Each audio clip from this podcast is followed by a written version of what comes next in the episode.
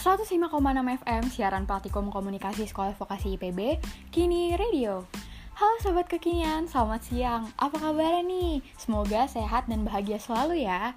Kembali lagi di siang hari ini bersama aku Tasya di LTWT Launch Talk with Tasya. Seneng banget nih di siang hari ini aku bisa nemenin kamu lagi di mana pun kamu berada. Hari ini, tanggal 30 September 2020, aku akan ngebahas hal-hal terkini yang pastinya up to date banget nih Sobat Kekinian. Makanya, buat Sobat Kekinian, jangan ke mana-mana ya. Tetap stay tune di Kini Radio, siaran praktikum komunikasi Sekolah Vokasi IPB.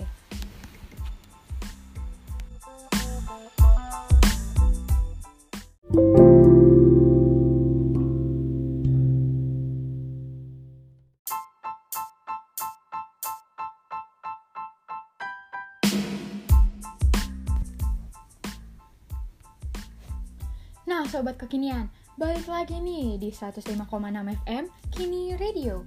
Siang-siang gini masih pada semangat kan sobat kekinian? Hmm, aku akan nemenin kamu sampai 45 menit ke depan dan juga memberi kamu hal-hal yang up to date serta lagu-lagu hits spesial buat kamu. Tapi sebelumnya kita dengerin dulu hits pertama di segmen ini Enjoy Super Lonely dari Bini.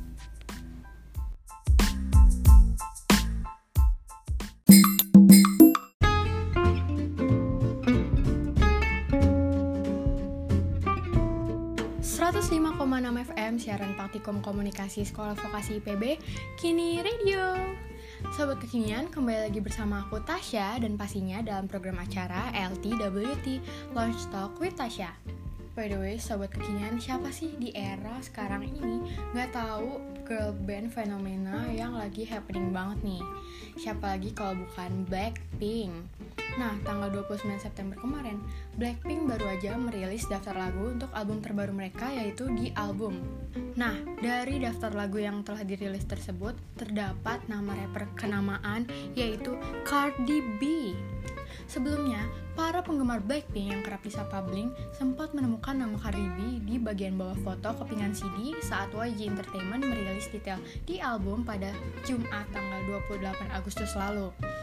Blink pun menduga bahwa Blackpink akan membuat proyek bersama dengan pelantun lagu web tersebut untuk album terbaru mereka.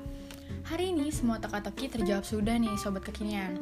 Dalam daftar lagu yang dirilis, tertara nama Cardi dalam lagu Bet You Wanna Nah, kabar adanya kolaborasi dengan Cardi B ini langsung disambut positif oleh para penggemar dua musisi hebat tersebut.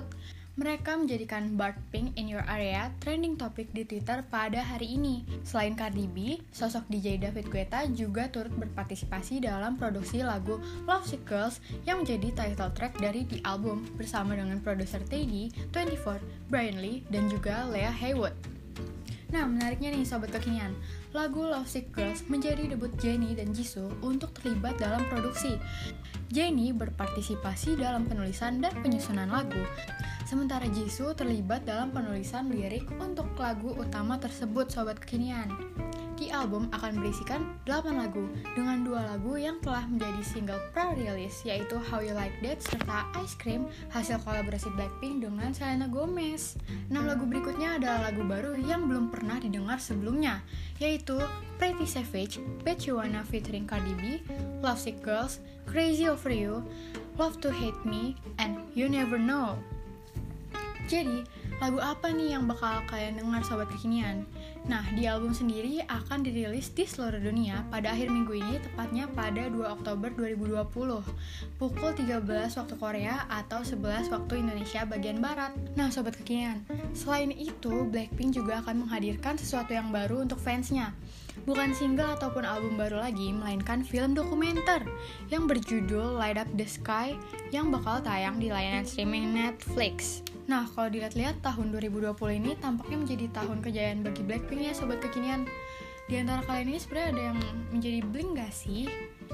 Meski di tengah masa pandemi, girl group asal Korea yang satu ini tetap bersinar dengan menunjukkan semangatnya dalam berkarya dan juga selalu memberikan yang terbaik untuk para penggemarnya di seluruh dunia. Ya ampun, sampai sekarang tuh mereka udah dikenal banget sama semua orang di seluruh dunia. Siapa sih yang gak tahu Blackpink ya gak sih sobat kekinian? Nah, Dimulai dari perilisan single Sour Candy bersama Lady Gaga, project kolaborasinya dengan Selena Gomez dalam single Ice Cream, hingga peluncuran full album pertama mereka pada 2 Oktober 2020 yang akan datang. Gak berhenti sampai di situ aja, beberapa waktu lalu, Netflix baru aja mengumumkan kabar baik untuk para Blinks nih. Nah, tanggal 14 Oktober nanti, Netflix akan menayangkan film dokumenter Blackpink dengan judul Light Up The Sky. Nah, Light Up The Sky ini merupakan film dokumenter tentang salah satu grup paling populer di dunia yaitu yaitu Blackpink. Film ini tayang perdana di seluruh area pada tanggal 14 Oktober tahun 2020. Bukan itu aja, icon musik Blackpink juga akan menjadi icon profil Netflix loh. Gak kebayang gak sih? Gak sabar gak sih kalian bakalan ganti profil Netflix kalian jadi Lisa ataupun Jisoo? Nah, kabarnya film dokumenter yang akan disutradarai oleh Caroline Shah dan diproduksi oleh Radical Media ini akan menceritakan tentang perjalanan Blackpink. Dimulai dari masa debut keempat member di tahun 2016, bagaimana keseharian mereka saat menjadi trainee di YG Entertainment, hingga berhasil menjadi girl group Korea yang sukses. Nah, nggak hanya itu, dalam Light Up The Sky, Jisoo, Lisa, Rose, dan Jennie akan diwawancarai seputar kehidupan mereka yang jarang terekspos publik loh, sobat kekinian. Dengan memperlihatkan momen-momen di balik layar tersebut, Blackpink justru semakin dekat dengan para penggemarnya. Mengingat bahwa Light Up The Sky merupakan film dokumenter K-pop pertama yang tayang di Netflix, gak heran kalau film ini menjadi salah satu trending di Twitter dan banyak warganet yang meresponinya dengan positif. Pasti kamu udah gak sadar gak sih sobat kekinian untuk nonton film dokumenter Blackpink ini yang pastinya akan fenomenal. Nantikan segera dan jangan lupa untuk berlangganan Netflix agar kamu bisa menikmati film Light Up The Sky. Sobat kekinian, aku masih ada lagi nih satu informasi menarik. Kalian pasti penasaran kan? Tapi sebelumnya kita simak dulu yang satu ini. Tetap stay tune di 105,6 FM, siaran praktikum komunikasi Sekolah Vokasi IPB.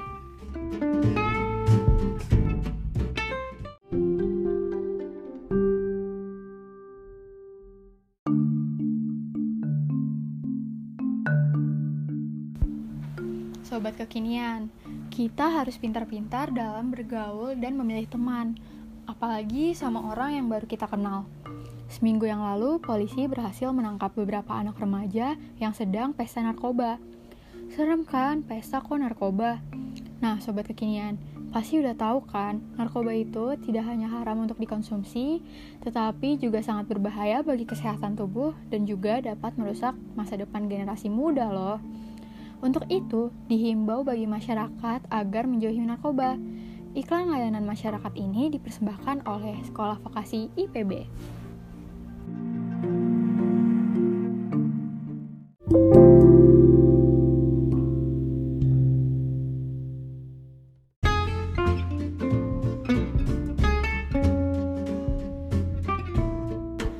105,6 FM siaran praktikum komunikasi Sekolah Vokasi IPB kini radio. Kembali lagi bersama aku Tasya pastinya dalam program acara LTWT Launch Talk with Tasya.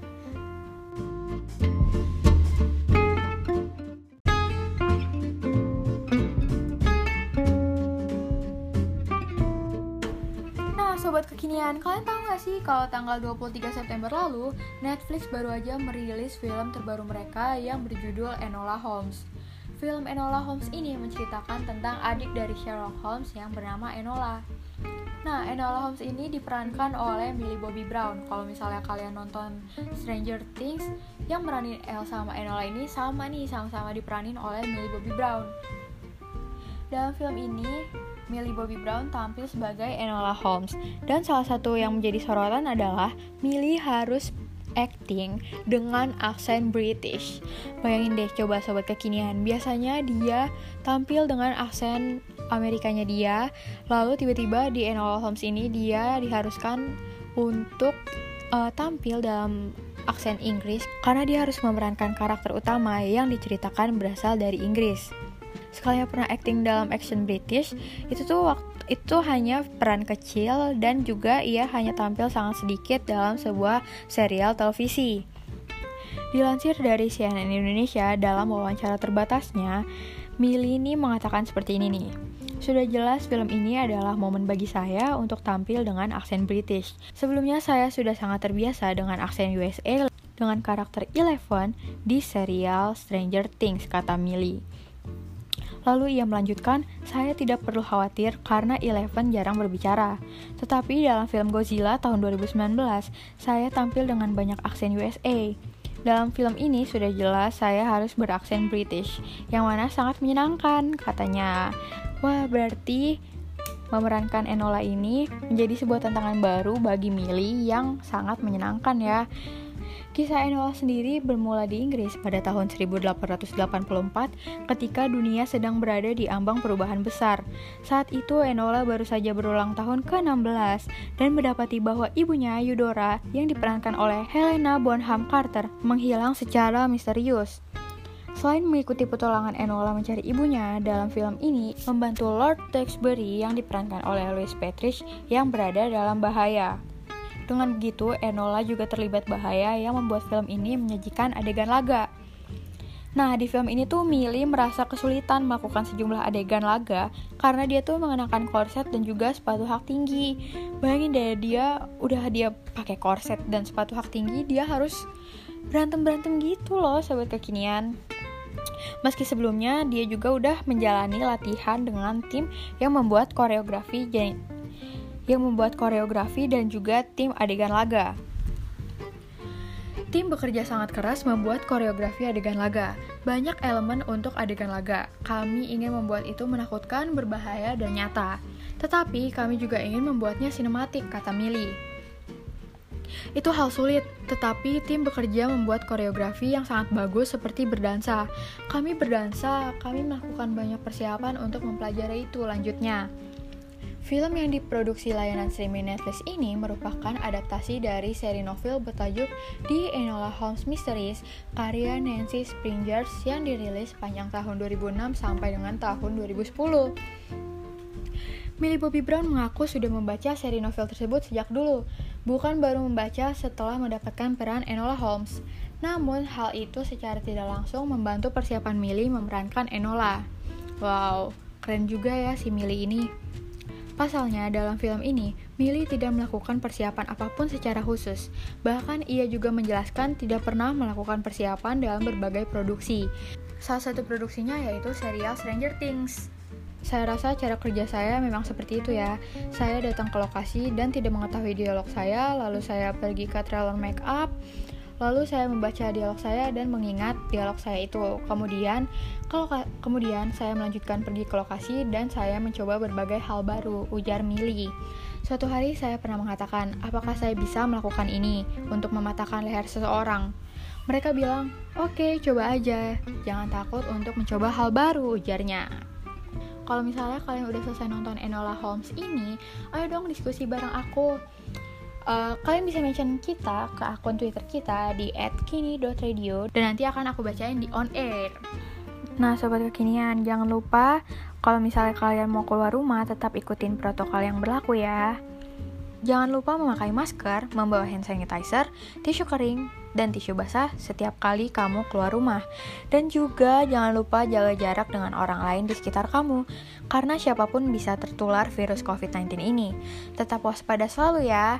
Semoga kita semua sehat selalu. Amin. Ya